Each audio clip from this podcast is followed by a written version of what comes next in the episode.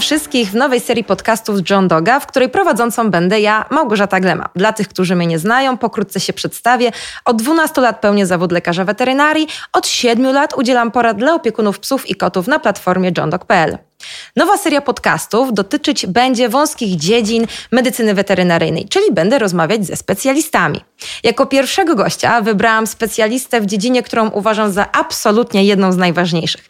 Jest to specjalizacja, do której najczęściej odsyłam swoich pacjentów na konsultacje, szczególnie po weekendowym dyżurze. E, mowa o ortopedii. E, witam serdecznie mojego gościa, wybitnego ortopedę, specjalistę chirurgii, jak i radiologii, znanego w całej Wielkopolsce i nie tylko lekarza weterynarii Ryszarda Starczewskiego wraz z pieskiem Indii. Dzień dobry, doktorze. E, witam. Bardzo mi miło, e, że zostałem zaproszony tutaj do Państwa.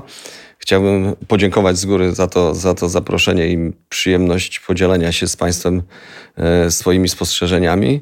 Podziękować Pani doktor John Dogowi i, i podziękować przede wszystkim za to, że ortopedia ma to wyróżnienie, że poszła na pierwszy ogień, e, jako tak, dla mnie moje, moje oczko w głowie, jako e, pierwsza, pierwszy, pierwszy odcinek. Super. Bardzo dziękuję. Taki był zamysł. Doktorze, na rozgrzewkę pytanie.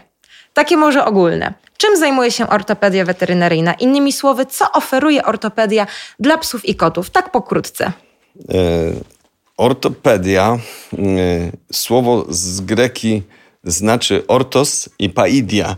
E, tu często nawet jak kolegom zadawałem to pytanie, lekarzom, niekoniecznie ortopedom, byli zaskoczeni, bo wszyscy kombinują, żeby iść w kierunku e, jakichś schorzeń kończyn, a tymczasem to słowo e, znaczy prostowanie dzieci. Pierwotnie mhm. lekarze zajmowali się prostowaniem kręgosłupów, a później zajęli się narządem ruchu. No i my jako weterynaria rozwinęliśmy w zasadzie w ostatnich e, latach e, ten, ten, ten, ten, tę e, specjalizację.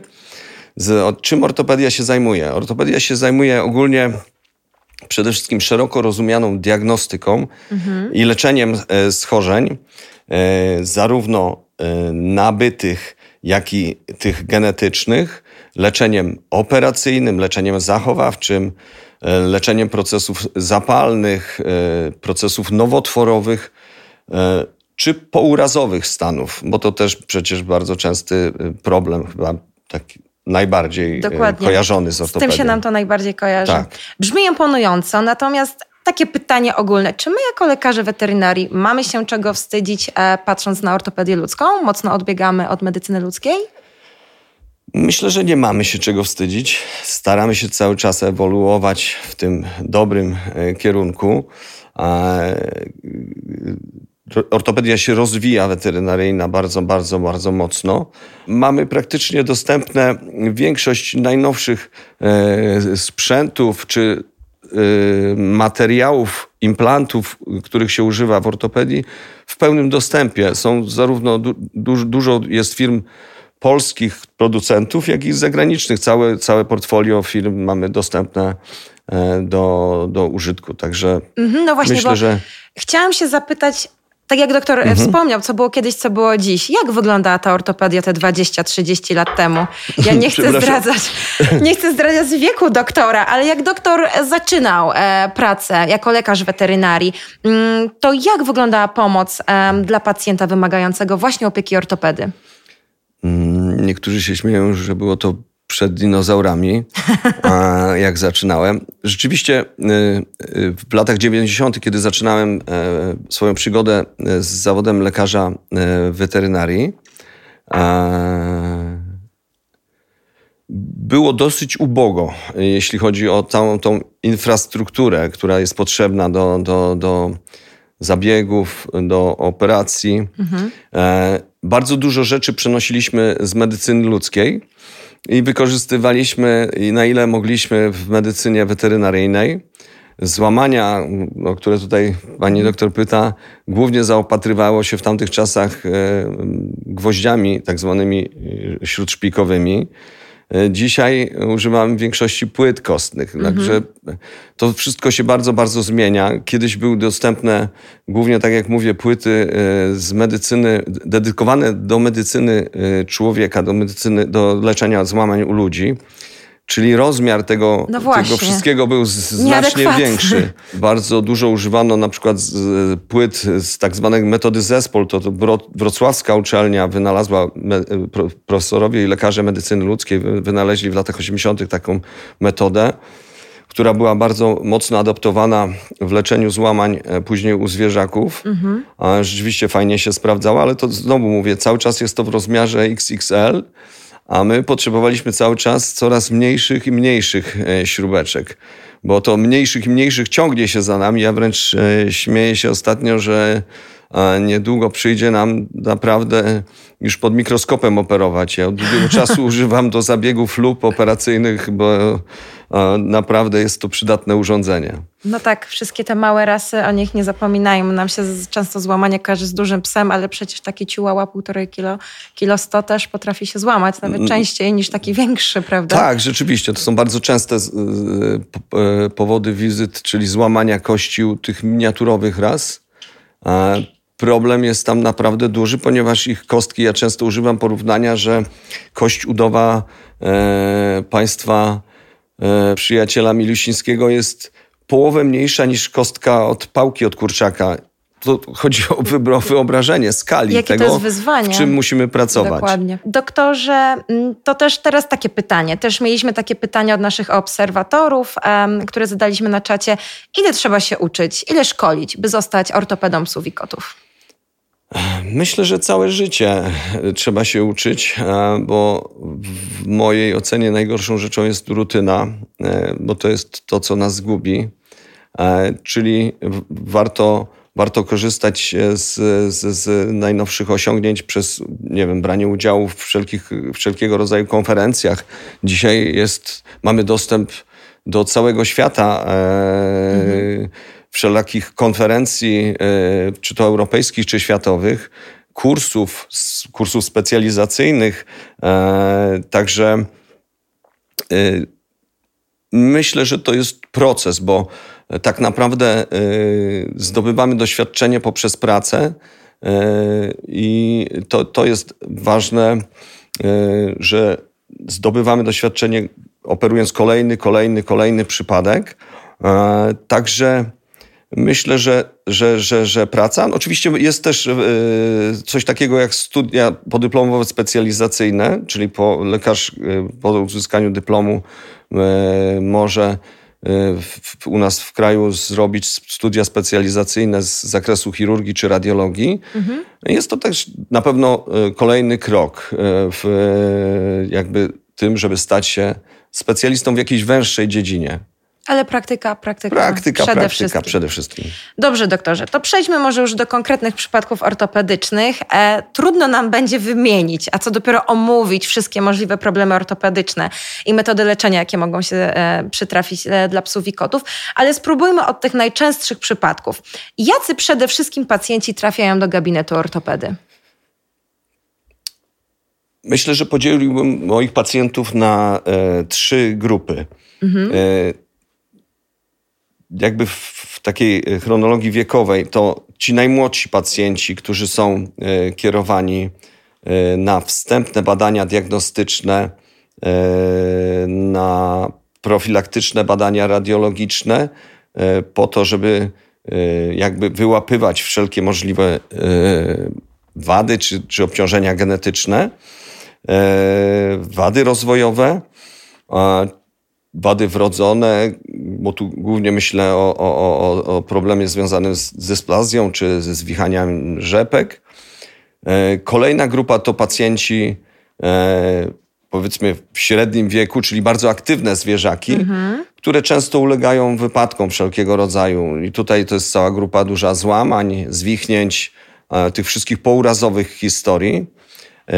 Ale też i trzecia grupa, pacjenci już w zaawansowanym wieku e, geriatryczni, e, którzy mm, mają z kolei problem już ze zwyrodnieniowymi zmianami, czyli z tym, co, na, co było nabyte albo jest skutkiem e, wcześniejszych urazów, wcześniejszych, e, nie wiem, złamań, zmian zwyrodnieniowych, czy na przykład rozwo- rozwoju wcześniej wspomnianej dysplazji.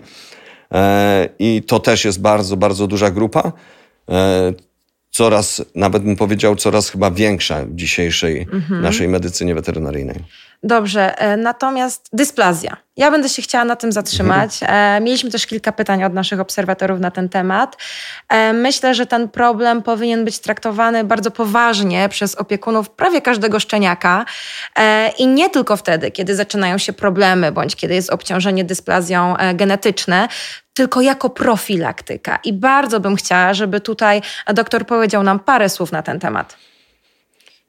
Dysplazja to takie trochę już słowo, które bardzo, bardzo, bardzo poważnie brzmi w uszach wszystkich właścicieli. E, na szczęście coraz więcej osób wie, co to w ogóle znaczy, bo najogólniej mówiąc, dysplazja, czym jest dysplazja? E, dysplazja jest stawów biodrowych, bo mhm. o, o, niej e, teraz myślę. Dysplazja stawów biodrowych oznacza też w tłumaczeniu powiem złe ukształtowanie stawu, spowodowane najczęściej właśnie rozluźnieniem miękkich struktur stawowych, które mhm. skutkuje e, patologicznym rozwojem stawu, spłyceniem panewki, w efekcie zmianami zwyrodnieniowymi, e, które z, z, kolei z czasem dają właśnie ból i dyskomfort u naszych milusińskich. E, jeśli chodzi o, o, o dysplazję, nie możemy też zapominać o dysplazji e, stawów łokciowych. Jest to jak gdyby też taki bardzo ważny punkt programu. Mhm. Ale skupiając się na dysplazji stawów biodrowych, może jeszcze dwa słowa. E, dzisiaj w programach, które my zalecamy monitoringu mhm. E, rozwoju dysplazji u zwierzaków, zalecamy pierwsze badanie w wieku już 16 tygodni. Czyli to jest czwarty miesiąc 16 życia. tygodni. Mhm. To jest bardzo ważne, żeby to podkreślić. Czteromiesięcznego psiaka pierwszy raz prze, po, prześwietlamy i badamy po to, żeby wyłapywać e, wszelkie niezgodności możliwe. E, jest to bardzo ważne, aby, aby, aby pamiętać e, o, o tym wieku.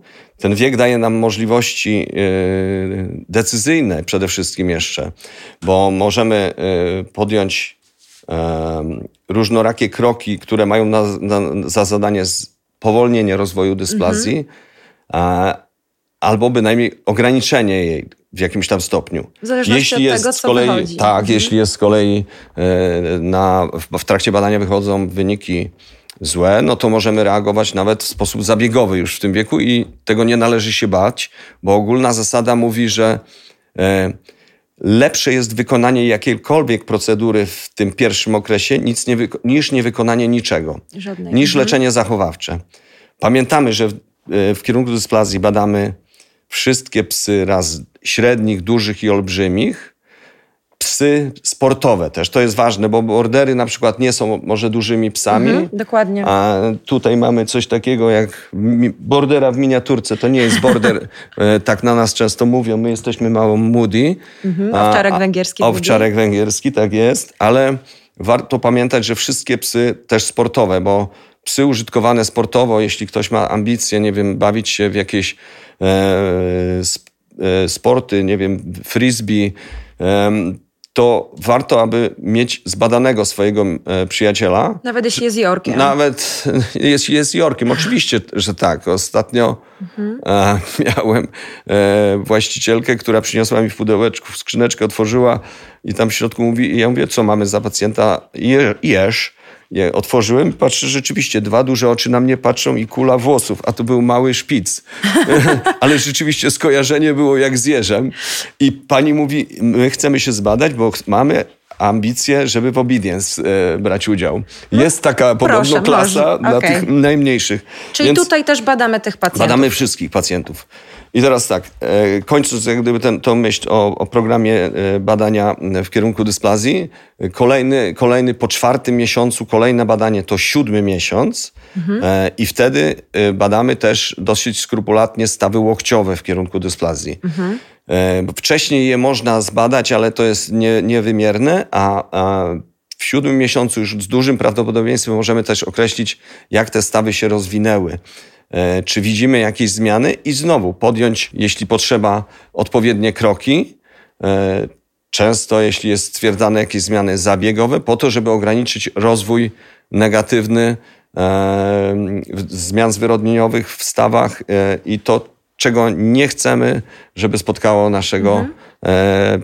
Psiaka. I jakie są zalecenia? No bo rozumiem, że czasami coś widzimy, jakieś zmiany, ale nie zawsze, e, nie zawsze tutaj e, będziemy kierować na zabieg operacyjny. Czyli co, dieta, ruch odpowiedni dla takich psiaków? Szczupła sylwetka? Dokładnie. Mhm. To, co chyba najczęściej zalecam właśnie przy wszelkim, wszelkie, e, jak opisuję zdjęcia w kierunku pacjenta, w kierunku dysplazji, które były robione, to w zaleceniach zawsze staram się uwzględniać to. Pamiętajcie, Szczupła sylwetka w, w młodzieńczym okresie, szczupła, jak najbardziej szczupła a, i ruch ograniczony. Niestety e, spacery na smyczy, nie bieganie na spacerniakach z innymi psiakami. Ja wiem, że to nie jest być może socjalne, ale jeśli chodzi o rozwój stawów, bardzo ważne. Nadmierny ruch absolutnie, e, zwłaszcza przy dużych, ciężkich psach, ma negatywny niestety wpływ. Także e, to, to, to na taka pewno. Podstawa. Podstawa. E, no i jeszcze taka tylko uwaga, no i ostatnie zdjęcie, generalnie to, co większość osób kojarzy z badaniem w kierunku dysplazji, czyli zdjęcie po skończonym roku. Ja na to zdjęcie mawiam zawsze jak paszport do dorosłości. Okay. Warto je zrobić, nawet jeśli nie mamy potrzeby wpisu do rodowodu. nawet jak jesteśmy już spóźnieni z poprzednimi zdjęciami, bo przydatne jest to po to, żeby mieć świadomość, um, z czym mamy do czynienia za rok, będziemy mieli do czynienia, z czym za dwa. Wiemy, jak rozwijają się, będą rozwijać te stawy i możemy to później sprawdzać. A jeszcze jedna ciekawostka dotycząca dysplazji, pani doktor, bo w tej całej opowieści o dysplazji, o której moglibyśmy pewnie gadać e, i rozmawiać jeszcze dwie, trzy godziny, mhm. e, myślę, że rzecz ważna dla, dla e, właśnie słuchaczy naszych. E, taka statystyczna e, na temat procentowej możliwości, kiedy urodzi się nam szczenie z dysplazją. No właśnie, no bo bada się rodziców bada się rodziców. obciążonych. I takie, takie, takie badania są, które wykazują, że jeśli skojarzymy dwoje rodziców chorych na dysplazję, to wyjdzie na 85% E, w populacji e, zmiany dysplastyczne. 85%, czyli można powiedzieć nieźle, bo e, tam kilka procent się uchowa bez dysplazji. Fajnie, ale już kolejny punkt, czyli jeden z rodziców zdrowy w 100%, mhm. drugi z dysplazją, szanse na to, że będzie wynosi 52 do 55%, czyli więcej niż połowa Dużo. będzie miało dysplazję. A niektóre rasy dopuszczają takie, e, takie Tak jest. Takie... I teraz uwaga mhm, hit. Połączenia. Dwóch rodziców, dwoje rodziców zdrowych, dwoje rodziców zdrowych, czyli Wolnie to, ta, od dysplazji. ta sytuacja, mhm. kiedy, e, którą mamy na co dzień w pracy do czynienia, bo doktorze, przecież mamy w rodowodzie, że po co badać? Mamy dwóch, dwóch rodziców e, z, z, zdrowych przy dwojgu rodzicach zdrowych szanse na to, że u szczeniąt wystąpi dysplazja, to 35%. Bardzo 35%. To jest poligeniczna choroba. Często mogą y, geny obudzić się jeszcze z poprzednich pokoleń i okej, okay, fantastycznie, rodzice mają wpisaną wolni od dysplazji, ale to nie znaczy, że nasz pipu, szczeniak. Po, nasz szczeniak jest ma gwarancję tego, że będzie wolny. Bardzo ważna rzecz, dlatego ta profilaktyka, czyli badanie w kierunku dysplazji jest tak ważne. Niezwykle każdego ważne. szczeniaka, nieważne co on miał tam napisane w rodowodzie. Te statystyki mówią Dokładnie. same za siebie. E, myślę, że odpowiedź mocno wyczerpująca, natomiast ja mam takie pytanie już bardziej, e, zawsze jak zalecam to opiekunom e, psów, że wypada nam zrobić taką profilaktykę u danego psa, to te oczy e, opiekuna, pani doktor, a musi to być w znieczuleniu. Chciałabym, żeby doktor wyraźnie to podkreślił tutaj nam wszystkim. Czy takie badanie musi być w ogólnym znieczuleniu? No niestety ci niedobrzy lekarze.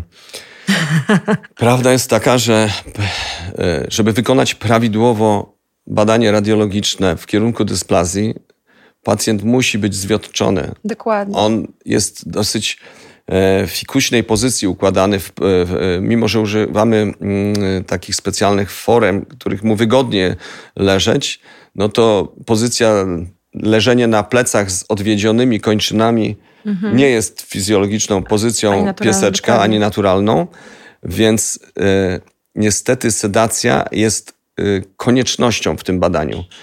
Ona, ona jest y, ważna po to, żeby wykonać radiogram zgodnie z regułami sztuki, a to jest ważne po to, żeby oceniający mógł wyciągnąć prawidłowe wnioski. E, źle wykonany radiogram często jest po prostu niediagnostyczny, czyli fajnie, że jest, z grubsza widzimy coś tam na tym zdjęciu, mhm. że jest e, pokazane, ale e, to nijak ma się do tego, żeby wyrazić opinię, czy mamy do czynienia z, z problemem, czy tam go nie ma. Bo wykonuje się kilka zdjęć, prawda? W odpowiednich pozycjach, odwiedzeniu. Wiem, że też doktor obliczenia zawsze robi e, z tych radiogramów. Trochę tak, matematyki tutaj. Tak, jest. tak. Medycyna idzie w kierunku matematyki. To jest fajnie, bo staramy się gdzieś tam przekładać, na ile to możliwe, e, wszystko e, na, na, na jakieś sposoby obliczeniowe.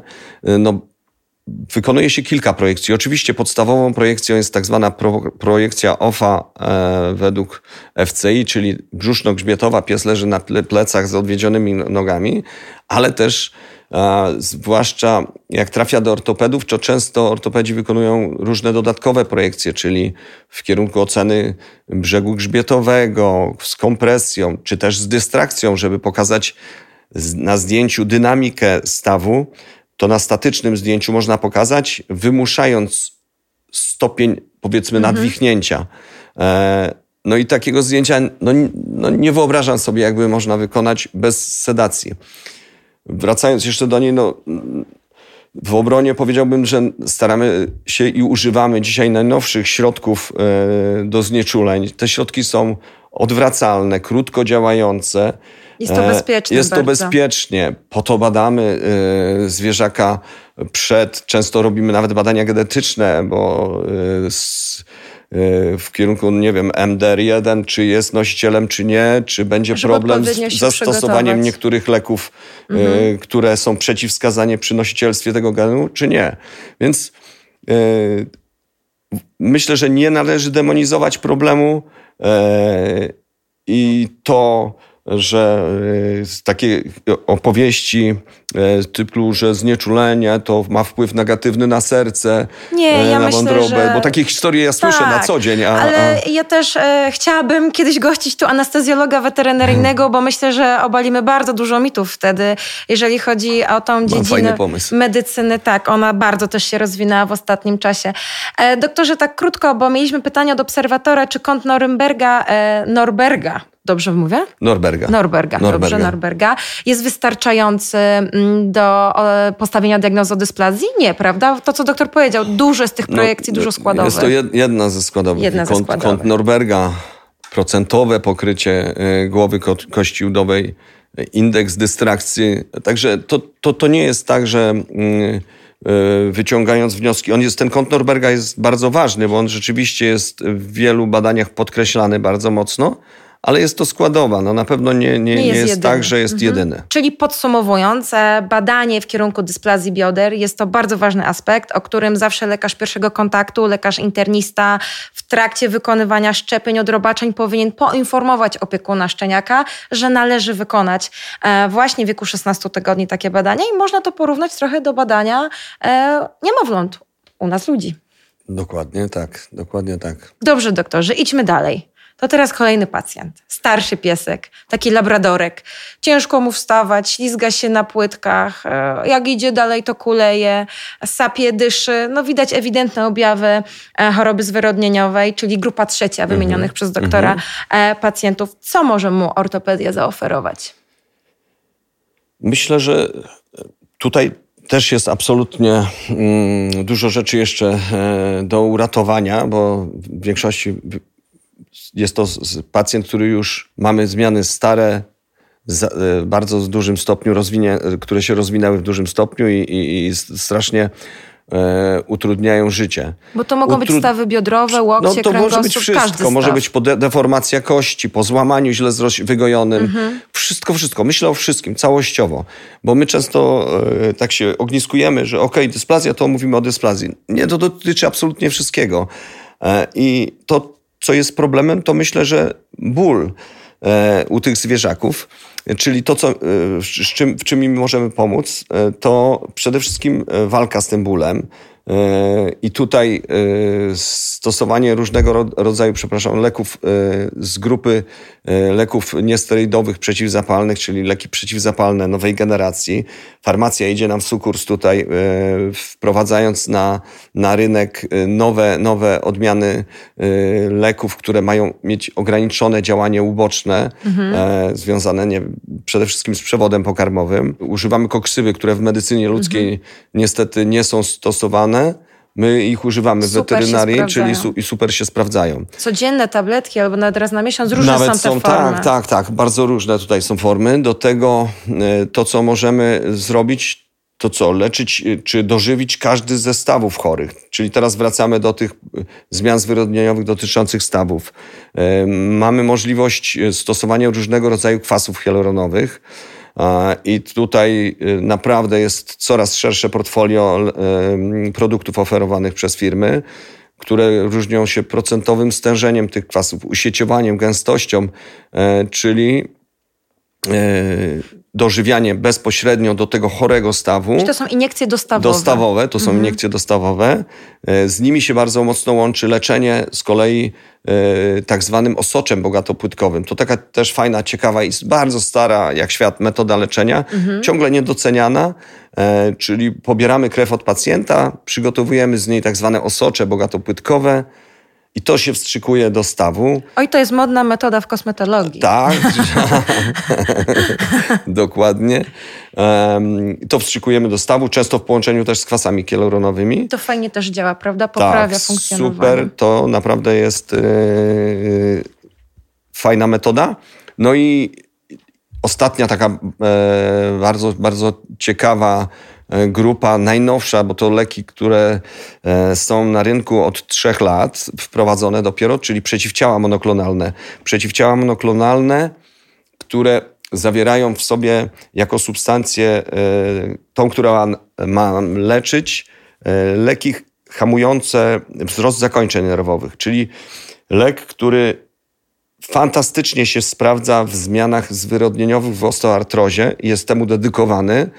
E, genialna rzecz dla tych geriatrycznych naszych pacjentów, bo naprawdę e, część z nich e, w cudzysłowie odzyskało drugą młodość. To jest naprawdę świetna droga i tutaj muszę się pochwalić, że mamy to my w weterynarii, a nie ma tego medycyna ludzka. Mhm. Mamy to, bo to są przeciwciała monoklonalne, jak powiedziałem, czyli to są bardzo wąskie działki lekowe.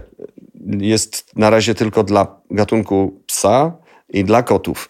E, świetny, świetny, świetny pomysł na łagodzenie objawów w, u starszych zwierzaków. On jest świetny też dlatego, że to się podaje raz w miesiącu w formie zastrzyku. No jest to bardzo i, łatwe i do podania, jest to bardzo, jest myślę, bardzo że fajne. poręczne. Nie można oczywiście jak z wszystkim przesadzać. Oczywiście, ale... ale... też bardzo lubię u tych pacjentów, u których już tak mówimy, jesteśmy troszeczkę pod ścianą, niewiele można zrobić, a podać te preparaty. No i, no i na deser jeszcze fizjoterapia, bo nie mogę o, o niej zapomnieć, ja ją bardzo kocham. Uważam, że fizjo i rehabilitacja cała to jest często połowa sukcesu tak naprawdę. Bardzo ważna część. Bardzo ważna. Doktorze, ból u psa. Padło tu parę razy takie stwierdzenie w naszej rozmowie i to jest ważny temat. E, trzeba tu podkreślić, e, czym jest ból i przede wszystkim jak, jak rozpoznać, że naszego psa coś boli. Bardzo, bardzo dziękuję za to pytanie. E, dla mnie bardzo ważne i super, że ono padło. Wydaje się taka prozaika, ból. Mówimy o nim ciągle, a myślę, że jest to jeden z większych problemów, i, y, który, którym borykają się właściciele, ponieważ źle roz, odczytują ból u swoich e, przyjaciół. E, często, ja, ja, codziennie praktycznie się spotykam z tym, że mówią, ale przecież naszego pieska nic nie boli, on, on, on, on, on, on nie piszczy. E, staramy się wszystko przekładać na język ludzki mhm. i zakładamy, że cierpiące zwierzę będzie e, płakało i mówiło au, au, boli mnie łapka, wokalizowało. Mhm. Tymczasem, zwłaszcza psy, to zwierzęta stadne, pradziadek wilk zobowiązuje, E, w stadzie nie można wykazywać słabości, więc one często maskują. Przede wszystkim te, które mogą jeszcze, maskują ból na ile się da. Do końca. Bo trzeba biegać, trzeba, e, trzeba być aktywnym, trzeba gonić e, za przewodnikiem stada. Nie, nie, nie, nie ma szans odpadać. Z kolei, kiedy już jest bardzo źle, to zwierzęta najczęściej zamykają ból w sobie, czyli co robią? Śpią po prostu. Znacznie więcej śpią. Właściciele często na początku tego nie, na to nie zwracają uwagi, ponieważ no, pies ginie, nie krząta się pod nogami. No, mówią, że jest starszy, że on A- tak i ma. zwalają, tak jest. Związany z wiekiem. Tak Najgorsze, jest. co może To jest, być. to jest, to jest często, yy, ja tak wtedy na to mówię często, że tak mówicie Państwo, że Amisiu taki jest leniuszek, zresztą on zawsze był leniuszek i tak nie lubi biegać. A, I jak go zbadamy i okazuje się na przykład, co w jego stawach e, siedzi, to duże oczy się robią, jak e, e, ten biedny pacjent mógł w ogóle funkcjonować wcześniej. Także ból, y, zwracać trzeba na niego uwagę, czyli na wszelkie anormalne zachowania zwierzaka, czy wylizywanie, jakieś kompulsywne zachowania. U pani y, ukochanych doktor pacjentów, czyli kotów. Tak, m- moich kotów. Ciekawostka. Często mam e, od koleżanek internistek skierowanie do zbadania kota. I taki przykład, nie wiem, z przedwczoraj.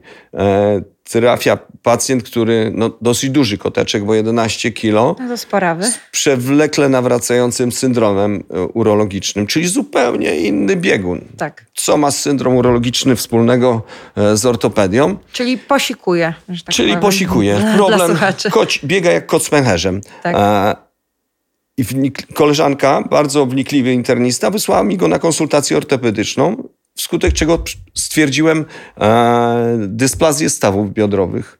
Czyli No jakby przyczyny. zamknęło nam się koło przyczyny, boli? co go boli. Że on jest cały tak. czas cierpiącym zwierzakiem, frustrując się, miał problem z pęcherzem. Nie pęcherz był de facto problemem, problemem jest jego stawy stawy, biodrowe. biodrowe. No, koty to w ogóle są kosmici, mistrzowie maskowania absolutnie mm, problemów bólu. Doktorze, kolejny pacjent przychodzi. Tym razem Mhm. przychodzi stafik e, albo bigel, labradorek, amstaff, młody, biegający. Biegał, biegał na spacerku, nagle ała, boli kolano, boli kolano. Co tu doktor podejrzewa? Co może mu zaoferować?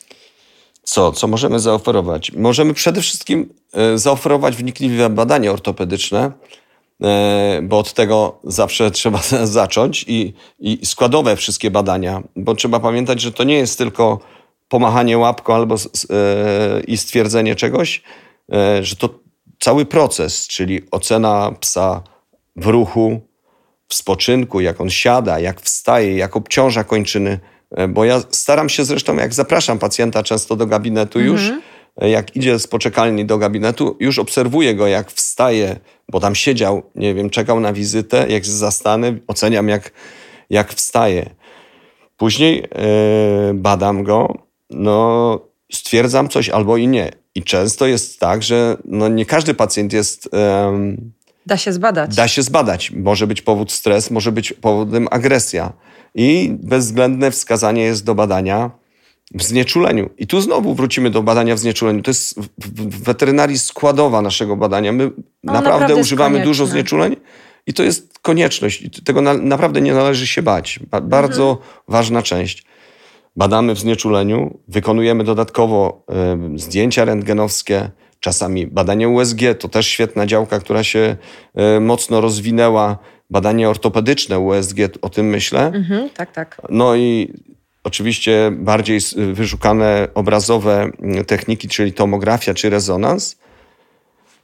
I co stwierdzamy? No, yy, jak widzę pieska rasy Stafford a, i, i to rozumiem, że najczę... bo rzeczywiście jest to u nich najczęstszy problem e, z kontuzją kończyny miedniczej, e, czyli zerwanie więzadeł krzyżowych. To rzeczywiście Tak, o tym myślałam. To miało być Dobrnąłem taka w końcu. diagnoza. Dobrnąłem.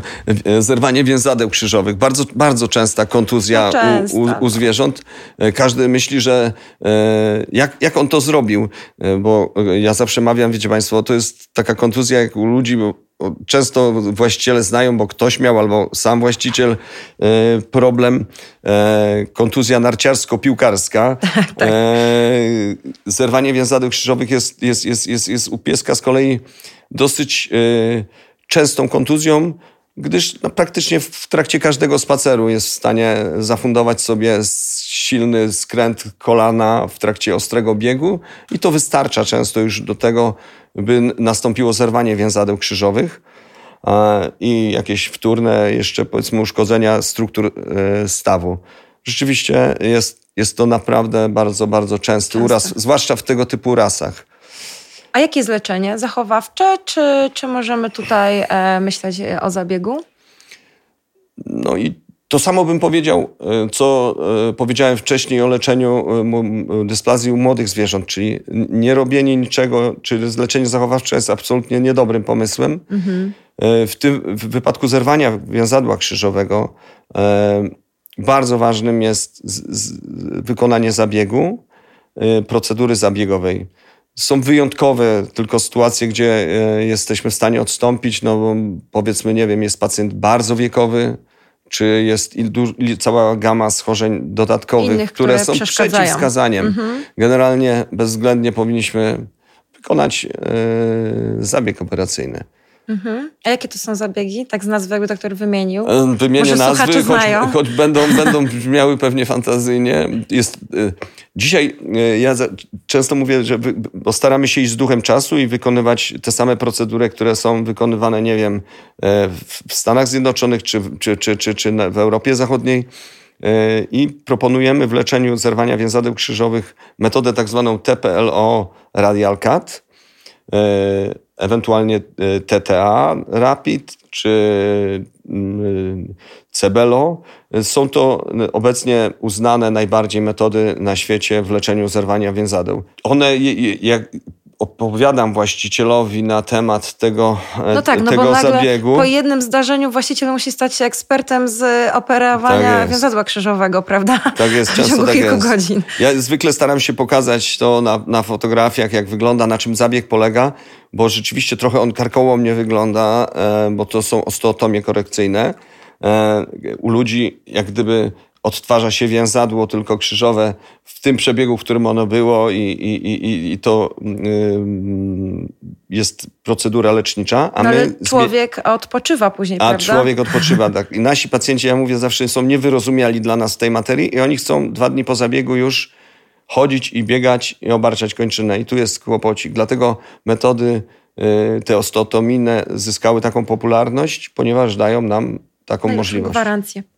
E, to kolejny pacjent, teraz ten mój, kotek.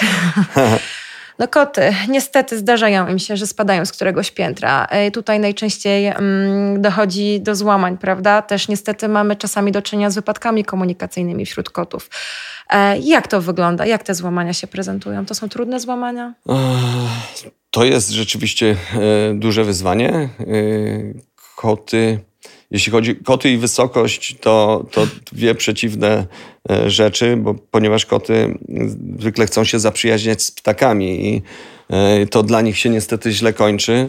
E, lot z trzeciego piętra bywa jeszcze wyrozumiały, bywają wyższe wysokości. Wczoraj mieliśmy pacjenta, który z siódmego piętra wy, wyskoczył i na szczęście dla niego złamał tylko kość udową. No to to jest e, brzmi i tak poważnie, bo tak. to złamanie było dosyć skomplikowane, ale poza tym e, nic więcej mu się nie stało. To taka dygresja. Siatkujmy okna i balkony, wszyscy tak, właściciele jest, kotów. Absolutnie, absolutnie. I wróćmy do tematu dalej. Absolutnie. E, rzeczywiście mm, wypadki komunikacyjne, to, to też duża grupa u kotów, czyli wszystkie pourazówki, no tu bardzo dużo wszelkiego rodzaju złamań. Złamań kości długich, złamań kości miednicy. Często kilku naraz, prawda? Kilku Miednica, naraz, tak no. jest, bo to często są wielokończynowe urazy, e, które, które są bardzo skomplikowane. E, no i pacjent zwany kotem, niestety zwykle mniej chce współpracować niż psy, niestety E, one troszeczkę inne są w tej materii rozumienia bólu, tego mhm. jak się zachowują w, e, pozabiegowo. ale no, staramy się radzić tutaj tak, też. Tak, ten ból u kotów, ja pamiętam, przynajmniej miałam kilku kocich pacjentów ze złamaniem takim naprawdę poważnym, tydzień przechodzonym. Nic nie było, nie dawały znać. No, to jest koty. mistrzostwo, to jest po prostu... Jest Koty jest, są mistrzami. Kamuflażu tych objawów.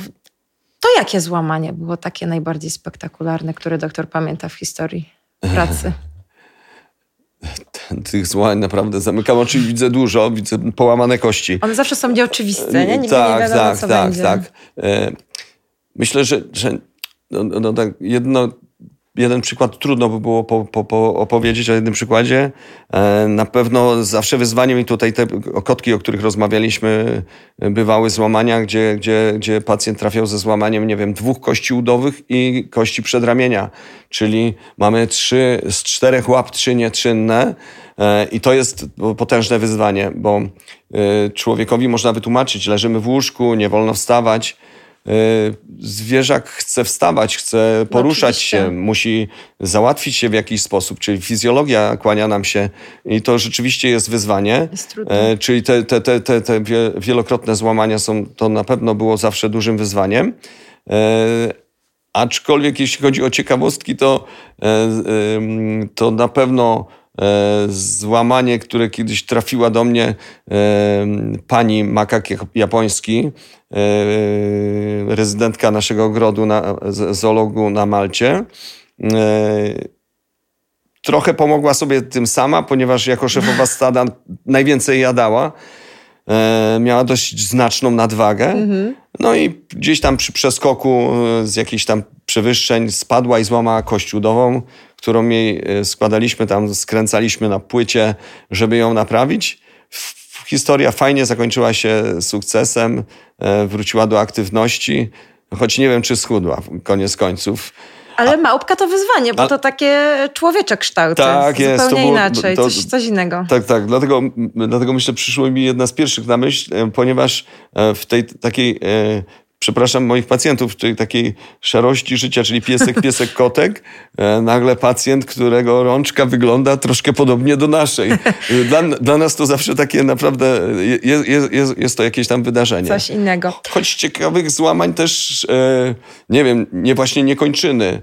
E, popołudniowy dyżur, pani wbiega z, z whipetem na rękach, który nie jest w stanie ustać na żadnej kończynie, biegł na spacerze, potknął się i przekoziołkował, więc pierwsza pani myślała, że połamał się po prostu cały. Koniec końców okazało się, że złamał niestety, ale kręgosłup szyjny. Na szczęście bardzo tam e, szybką, szybką ingerencję e, wykonaliśmy. Poskładaliśmy ten, ten, ten, zaopatrzyliśmy ten, ten, ten kręgosłup. Ale to jest wyzwanie po południu, pewnie w piątek. To tak, takie rzeczy najczęściej tak się dzieją. tak. E, założyliśmy mu specjalny stabilizator na kręgi i, i, i pacjent wrócił wspaniale do pełnej sprawności. E, to w takim razie drugie pytanie, e, tak z serii przypadków. Które przypadki ortopedyczne są takie spektakularne, że przychodzi chory pacjent, bach, i eureka, już jest wszystko dobrze, chodzi. Marzymy sobie o każdym, takie? taką siłę mieć w sobie taką, a, nie wiem, Avengersów e, że, e, i moc sprawczą. E, chcielibyśmy za każdym razem, żeby tak było. Oczywiście żarty żartami, to jest zawsze proces, bo częstokroć może zdarzyć się tak, że wykonujemy operację jakąś, nie wiem, powiedzmy o, wspomniane przez nas złamanie. Składamy je bardzo stabilne, fantastycznie, czy y, operujemy więzadło krzyżowe i pacjent wychodzi na drugi dzień do domu, opierając się na kończynie y, w pełni, powiedzmy w pełni, ale dla właściciela jest to wow, ale jest, jest już zdrowy. Nie, nie jest no nie. jeszcze zdrowy. To jest proces. E, to są e, kolejne mm, kontrole, które muszą nam potwierdzić, że tkanki się goją. E, czyli tu jest dłuższy ten proces wyleczenia, bo trwa tygodniami, mimo że fantastyczny efekt widzimy już drugiego dnia. Takie wow, pewnie to podobny przypadek będzie, e, że trafia, nie wiem, pacjent z, z, z e, brakiem władzy w kończynach tylnych, czyli ciągnie nóżki jak foczka, to jest częsty obraz jamniki, nie wiem, małe maltańczyki, jest kilka buldożki razy. francuskie Buldożki francuskie niestety bardzo często i to w, w często każdym... to jest ból, taki nagły też stan. Tak, nie? bo to nie zawsze porażenie, często problemy w ogóle z schodzeniem, z koordynacją ruchową badamy ortopedycznie, ortopedycznie wszystko jest w porządku, a okazuje się, że neurologii deficyt, mhm. czyli problem z wypadnięciem dysku. Bo ta neurologia z ortopedią się Bardzo ona się, ona się przyjaźni. Ja, ja, ja nie, nie mienię się być neurologiem, ale y, za każdym razem, kiedy badam ortopedycznie pacjenta, staram się badać skróconym badaniem neurologicznym, y, żeby mieć te dane, jak jego neurologia funkcjonuje, bo mhm. bardzo łatwo e, o, pomyłkę. o pomyłkę. No i tu na pewno taki kręgosłup, jeśli trafia i jest szybko zdiagnozowany, wtedy zwykle w trybie emergency y, kierujemy na badanie tomograficzne, wykonujemy zabieg odbarczenia kręgosłupa i często jest właśnie tak, że na drugi dzień piesek, który dzień wcześniej powłóczył nogami, nie był w stanie się spionizować, on wychodzi o własnych siłach, i tu praktycznie można powiedzieć o, o, o, o, zdrowym. e, psie procesie zamkniętym. No później rehabilitacja, później wiadomo, rehabilitacja, ale oczywiście. to jest faktycznie, nie jednego takiego pacjenta tak, widziałam, tak, to, tak. Jest, to jest niesamowite. Doktorze, to takie pytanie dotyczące pracy. Wspominaliśmy tu tomografię, rezonansy, USG, rentgeny. Czego doktor, ortopeda potrzebuje do tego, żeby leczyć psy i koty? Chodzi mi o składowe, nie tylko o sprzęt, mhm. tylko też o ludzi. Mhm. Ortopedia to nie one man show. To jest, to jest, to jest, to jest, to, to yy, nawet jak ja będę gdzieś tam gwiazdą, bo to, to, to, to, doktor to ja operuje. operuję, ale to nie jest nigdy tylko moja zasługa. Yy, to jest, to jest znowu proces.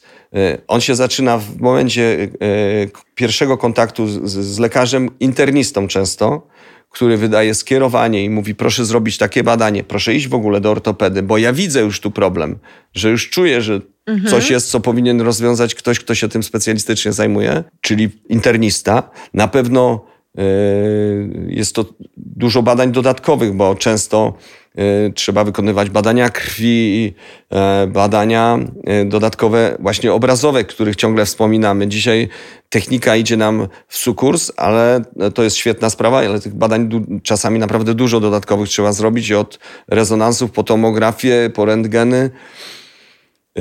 No i dochodzimy powiedzmy do momentu samego zabiegu. No, ciężko by było samemu operować historia zna takie wypadki, ale, ale, ale generalnie to, to, to, to, to nie jest znaczy nie jest dobre. rozsądne nie mhm. jest dobre. Przy większości zabiegów są co najmniej trzy osoby potrzebne, czyli asystent y, lekarza prowadzącego, no i anestezjolog. E, bo który to, czuwa. To, który musi czuwać cały czas nad bezpieczeństwem no, tego te zabiegu. zabiegi są długie. Nie? To, to są już długie nie jest zabiegi. To, to nie jest, jest zabiegi z łapki. To nie jest mhm. łapki, absolutnie. Więc e, cały team e, operacyjny. Kończymy zabieg, ktoś musi się tym pacjentem zająć. Internista. In, internista. Lekarz szpitalny. Lekarz to szpitalny. jest mi bliższe. Często, dokładnie, często e, przecież po tych najcięższych ortopediach e, jest potrzeba, żeby został na hospitalizację. Wtedy lekarz się zajmuje nimi, jest opieka bólowa przede wszystkim. No i yy, powiedzmy, wydajemy pacjenta, i tutaj dalej przekazujemy, wracamy do fizjoterapii, yy, na, na ćwiczenia tego pacjenta ortopedycznego, żeby yy, wrócił do sprawności. Także jest to cała, cała, cała duża grupa ludzi. Mhm, a narzędzia, te wszystkie śruby, śrubeczki, ja tylko to widuję, to są gabloty po prostu. Myślę, że większość właścicieli sobie nie zdaje sprawy. Dziękuję, zapomniałem w ogóle o tym. E, te, tego jest dużo dużo i coraz więcej. No bo my musimy mieć elementy dla ciułały i dla doga niemieckiego. Dokładnie. Ja, ja zawsze, jak z kolegami ortopedami ludzkimi rozmawiam, oni mają też pełne szafy w szpitalach często, ale mają e, rozmiarówkę znacznie bardziej ograniczoną. Nasza rozmiarówka e, jest od takiego pacjenta właśnie jak człowiek, do, do tego ciłałki, czyli gdzie śrubeczki są półtora milimetrowe, ja się śmieję, że to takie zegarmistrzowska robota wtedy jest, czyli y, różnego rodzaju y, sprzęty, implanty, ale też urządzenia, nie wiem, wiertarki, piły, bo zdarzają się różne wypadki. Mhm. Ja już powoli nauczyłem się, że każdy sprzęt musi być zdublowany, ponieważ jeśli w trakcie zabiegu sprzęt odmówi posłuszeństwa, a może tak się stać. To tylko e, sprzęt. To tylko sprzęt. No to może być naprawdę gorąco. Zdarzały mi się takie sytuacje, zdarzyła mi się raz taka sytuacja, że w trakcie osteotomii e, e, piła odmówiła, powiedziała, że nie będzie dalej już ciąć.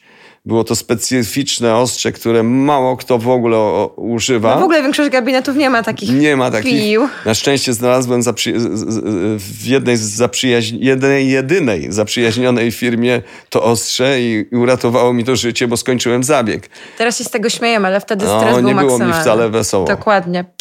E Myślę, że ta odpowiedź to też jest um, odpowiedź na takie pytanie, które czasami słuchacze może sobie zadają, co kryje się w kosztach za te zabiegi ortopedyczne psie i kocie, jak wiele jest składowych. Um, ale z, z, tego, co rozmawiamy, tak wnioskuję, że ortopedia weterynaryjna to nie jest łatwy kawałek chleba. Są, myślę, wzloty i upadki. Mimo starań, mimo zabiegów, e, poświęconych godzin, nie zawsze wszystko idzie tak, jakbyśmy chcieli, prawda? No, nie zawsze nie jesteśmy e, maszynkami. Ja mówię często właśnie e, porównanie o, o, o, tym, że nie, nie wymieniam części podzespołu jak w samochodzie i wkładam, mówię, teraz już będzie jechał i na pewno będzie wszystko w porządku. Często jest tak, że mniej się martwimy w trakcie zabiegu, bardziej zawsze e, ortopedę interesuje to, jaki będzie wynik tego, co, co robi. Mhm. E, I, i, i, i to jest ważne. E, jest też takie w naszym, naszej gronie powiedzenie w branży, że mm, powikłania zdarzyć się mogą każdemu, bo nie ma idealnie wykonanych e, rzeczy. No, można mieć gorszy dzień. To składowych może być naprawdę bardzo dużo. Ważną rzeczą jest, jak ortopeda wychodzi z tego problemu. Ważne, żeby jak naj e, endem zakończyć e, każdą procedurę, mhm. a bynajmniej e, jak najlepszym skutkiem, żeby ten nasz pacjent wracał do pełni sprawności. Mhm, do jak naj, naj, tak, najlepszej absolutnie. sprawności. To jeszcze takie pytanie praktyczne, bo wydaje mi się, że część słuchaczy może się tutaj natchnęła i stwierdziła, ok, to czas na wizytę u ortopedy z moim psem. Co należy ze sobą zabrać? Co należy ze sobą zabrać? Psa myślę, dziś, psa, dzisiaj. Psa, co, czego jestem dowodem, że nie, nie można zawsze zapomnieć. zabieramy, tak? Można zapomnieć psa. Na pewno wszelkie dodatkowe badania, bo mm, gro lekarzy y, y, pierwszego kontaktu, czy internistów, którzy wcześniej mieli y, styczność z pacjentem, badali go, wykonali jakieś dodatkowe badania krwi, jakieś dodatkowe badania na przykład radiologiczne i są super wykonane, są Będą przydatne do oceny. A oczywiście mhm. czasami właściciele e, też wcześniej wykonują już badanie tomograficzne. Super, warto wziąć. Czyli wszystkie te e, dodatkowe rzeczy e, jak najbardziej warto wziąć. Ja z ciekawostek to ja bardzo często zalecam i proszę o wszelkie filmiki. Każdy z nas jest sklejony dzisiaj niemalże z telefonem e, i filmiki mm, to super rzecz ze spacerów, z tego jak rano wstaje piesek, bo czasami łatwiej mi y, lepsze wnioski wyciągnąć z tego, jak widzę, jak pacjent mój funkcjonuje, niż to, co właściciel opowie, bo używając słów czasami używamy, mamy swoje skojarzenia. Mhm. A film pokazuje po prostu real, jak, jak, jak, jak, jak, jak, jaki sposób ta mhm. dysfunkcja wygląda, tak? Tak, jest to bardzo przydatne. E, doktorze, e, to teraz pytania od naszych obserwatorów, e, bo parę mieliśmy tych pytań. I tak e, kilka dotyczyło schodów. Chciałabym, żeby doktor się odniósł do tego. Czyli e, jaki jest wpływ poruszania się zwierzaka, które chodzi po schodach na kręgosłup? Czy jamniki mogą chodzić po schodach? Jak to jest z tymi schodami i psami? U tych małych raz, bo to myślę o, o to chodzi. Schody to najogólniej mówiąc, e, w mojej opinii, ja, ja zresztą w ten sposób przedstawiam zawsze właścicielom, że nie jest to naturalne miejsce bytowania zwierzaka w naturze. E, trochę tak zrobiliśmy tym zwierzakom naszym wszystkim, że wzięliśmy je na salony, bo tak naprawdę, nie wiem, 100 lat wcześniej, 50 lat wcześniej, gros z tych psiaków było tylko psami użytkowymi w konkretnych mhm. dziedzinach. Wzięliśmy je na salony, e, daliśmy im bardzo twarde podłoża, bardzo śliskie, bo wszędzie są albo płytki, albo jakieś śliskie deski, parkiety, panele, mhm. parkiety. No i schody. Schody no, absolutnie nie są też niczym naturalnym. Dla maluchów to jest codzienne zdobywanie Mount Everest, e, bo zdobywanie schodów e, przez psa niedużej rasy na pewno nie wpływa dobrze na jego zdrowie, zwłaszcza jak musi wielokrotnie w ciągu dnia to zrobić. E, bo to, o czym rozmawiamy, no trochę de, e, jest to zawsze demonizowane pod, końcem, pod kątem e, problemów z kręgosłupem, ale rzeczywiście no, na pewno dobrego wpływu to nie ma, mhm. więc absolutnie małe psy na, na, na schodach, jeśli można, lepiej nosić, a w domu psu nie pozwalać wchodzić na piętro jeśli go się tego nauczy, on wyrzuci z głowy tę możliwość i nie będzie czuł tego jako wielkiej kary żadnej, tylko po prostu jego przestrzeń jest na parterze. Także schody u dużych psów też wbrew pozorom są nie do końca dobre, bo bardzo często, e, przy, zwłaszcza przy problemach z kończynami przednimi, e, duże, olbrzymy psy, które muszą schodzić z wielu schodów, a często kamienica, trzecie no, piętro, przeciążają, przeciążają bardzo Aha. mocno przody. E, I tu jest rzeczywiście pad, bo 30-50 kilogramowego pieseczka nie wezmie się na ręce, właściciel zniesie raz, ale później już się poddaje, bo sam ma problem z kręgosłupem. Więc tutaj ja zawsze polecam wszelkiego rodzaju wspomagania, czyli półszorki, którym, na którymi tak supportujemy, należy podtrzymywać delikatnie, mhm. po to, żeby on nie uderzał przy każdym zejściu. Bo jeśli jest problem, to on już tak bezwładnie w większości się zrzuca, a rzucając uderza jeszcze mocniej, czyli nasila nam powiedzmy Faktycznie. obie. Czyli, czyli schody generalnie mm, ostrożnie schodami. Doktorze. ja, ja, się śmieję, że zawsze wypiszę na receptę domek y, parterowy z ogrodem. No to miejmy nadzieję, że, że będziemy mogli zapewniać wszystkim naszym słuchaczom i ich pieskom takie warunki. E, Doktorze, tematy są bardzo interesujące. Ja to jeszcze mam tu kilka pytań, ale musimy niestety pomału kończyć. Ale chcę zadać jedno pytanie. Mnie to bardzo interesuje jako lekarza internisty. Mhm. Po ilu latach pracy ortopeda se siada z luzem, operuje, niczym się nie stresuje, a później wraca do domu i spokojnie, mhm. niezestresowany zasypia. Czy w ogóle tak jest? Oczywiście nie, nie, ma szans tak być do końca, bo byłby to stan, gdzie popadliśmy już, popadlibyśmy już w całkowitą rutynę e, i trochę taką e, bezduszność. A że leży nam na sercu zawsze dobro naszego pacjenta i staramy kupę serducha włożyć w to, co robimy, e, to często się przejmujemy, bo nie zawsze każda procedura wychodzi zero-jedynkowo i mhm. stoprocentowo. Drugi czynnik to nasi właśnie pacjenci, którzy potrafią wywinąć totalnie szalony numer 24 e, godziny po zabiegu e, i zdemolować całą naszą pracę. E, czyli mm, ten stresik zawsze będzie.